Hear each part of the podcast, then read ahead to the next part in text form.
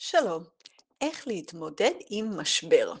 אז מייק טייסון, המתאגרף, אמר, Everybody has a plan till they get punched in the mouth. לכל אחד יש תוכנית עד שהוא מקבל אגרוף בפה. משברים. משברים הם האתגר שלנו, נכון? עד כמה שאנחנו לא אוהבים אותם, אנחנו מוקפים בהם. גדולים כמו פיטורים, מחלה חמורה שמתגלה אצלכם או אצל קרוב, פרידה. משברים בינוניים כמו סירוב לקידום או משרה שעבדתם הרבה זמן כדי לקבל, נושא בריאותי זמני אבל פוגע, כסף שיורד לטמיון, וגם משברים קטנים ואפילו קטנטנים, מכות קלות בכנף, ובכל זאת.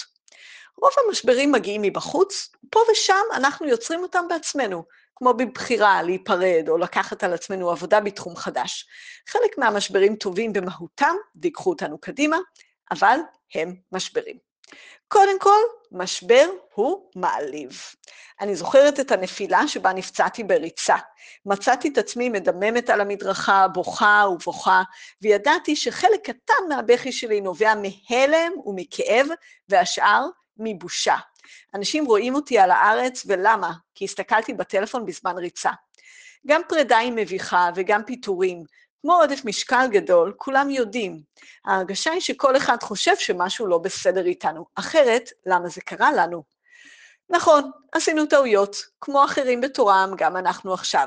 יש פה קריאה לגדול מתוך טיפות קטנטנות של נרקסיזם שיש בכל אחד מאיתנו, טיפות של שיפוט מתמיד של אחרים בניסיון לדרג את עצמנו מעליהם, טיפות של חוסר אמפתיה לכאב של אחרים, יש פה הזדמנות לייצב את הערך העצמי שלנו ללא תלות בהישגים. משבר הוא גרעין ההתבגרות.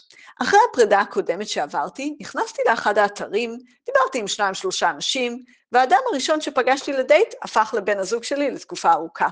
היה לנו קשר מדהים, ובתוכו עשיתי את כל העיבוד של הקשר הקודם. לא מזמן הוא עזב, וניסיתי לעשות אותו דבר. ישבתי בחריצות על האפליקציות, כתבתי, דיברתי, פגשתי, הפעם לא היה לי מזל כזה. בכיתי לאחותי בתסכול. מה אני עושה לא בסדר? גורטון נופלד מדבר על הרגע הזה שבו ילד מגלה את חוסר האונים שלו, פיוטיליטי, במצב מסוים.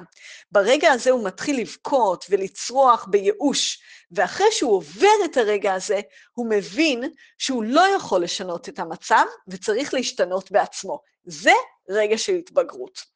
אחותי שלחה לי את ההרצאה הזאת של נופד, שמקושרת במאמר, ושלחתי גם, ואמרה לי, יש לך רגע של חוסר אונים, וכאן תהיה גדילה והשתנות שלך. לא רוצה להיות בלי זוגיות לאיזה זמן? לא בחירה שלך. תתבגרי, תשתני. להסכים לנשום. אתמול ישבתי בשיעור תופים. ניסיתי לנגן קטע בשיר של נירוונה, אבל משהו לא הלך. תיבה לא הסתדרה. ניסיתי שוב ושוב, ובכל פעם יצא לי משהו שגוי אחר. התחלתי להרגיש את התסכול, הגוף שלי נהיה חם. אמרתי לעצמי, המורה יכול לעודד ולהנחות אותך בלי סוף, אבל אם את לא תנשמי ותרגי, אף אחד לא יכול לעזור לך. זו העבודה שלך והכי חשובה. אותו דבר עם הזוגיות. התכתבתי עם ידיד בערב, כתבתי לו לילה טוב, והוא כתב לי לילה מעולה. ללא מחשבה עניתי, לילה מעולה זה כפיות. והוספתי, אבל בעצם אני אוהבת גם לישון לבד. ואז הלכתי למיטה הנעימה שלי עם המצעים הרכים, ושאלתי את עצמי, בעצם מה הבעיה שלי? מה באמת כואב לי כרגע בחיים? הפתעתי את עצמי בתשובה, שום בעיה, אני מוקפת באהבה, במשמעות, בפעילות טובה ומהנה. ואז אמרתי לעצמי, תנשמי. זה לא המצב שבחרת בו, את מעדיפה לשנות אותו, ואת עושה מה שאת יכולה, אבל זה מה שיש עכשיו, קחי את זה בשתי ידיים. אולי בגלל המשבר העולמי אתם לא מוצאים עבודה עדיין. קרובת משפחה שלי יושבת בכיסא גלגלים עם שבר ברגל. תקציבים שנעצרים, החלטות קשות על רקע אי-ודאות. האם אתם יכולים להסכים לנשום עם זה? תרגילים שמשפרים יכולת. מעט מאוד אנשים עוצרים בצורה יזומה, עושים הפסקה בחיים כדי להשתפר, לדייק את הכיוון, לעשות קפיצה. יש לי שני לקוחות כאלה בהייטק. פעם בשנה, שנתיים, שלוש הם מתפטרים, יושבים בבית כמה חודשים ולומדים בעצמם קורסים מקצועיים שיקחו אותם לרמה הבאה. ואז הם מוצאים עבודה בליגה אחת מעל הקודמת. רובנו צריכים משבר בשביל לעשות משהו כזה. חוץ מלנשום עם הקטע שלא הצלחתי לנגן, המורה גם נתן לי הרבה תרגילים לעשות. בהרבה מצבים שאי אפשר לשנות מיד, אפשר לעשות פעולות שישפרו את היכולות שלנו, את הסיכויים שלנו, את החיים שלנו.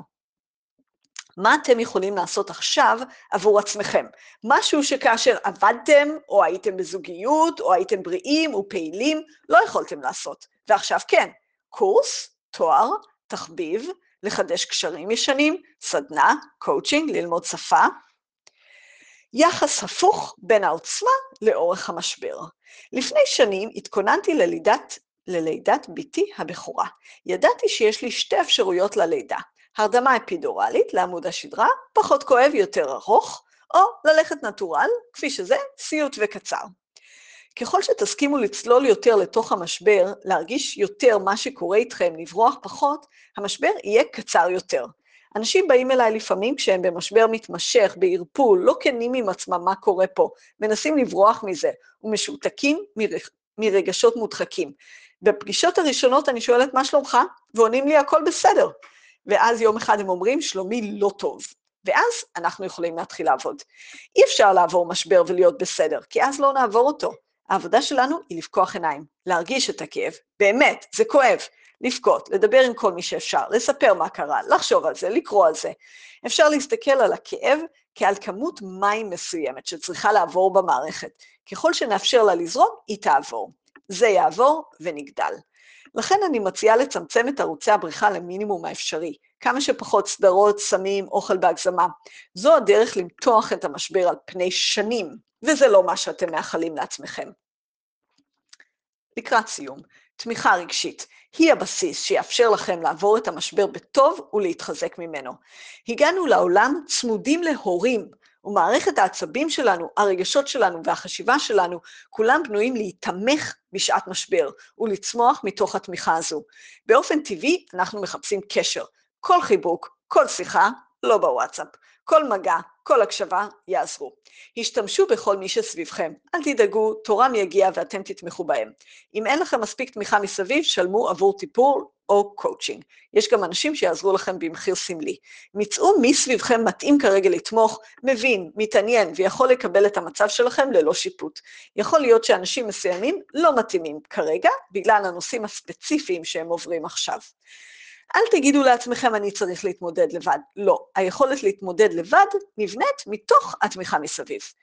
ממשברים קורים דברים טובים, אני מבטיחה, וזה ממני סלי תדמור.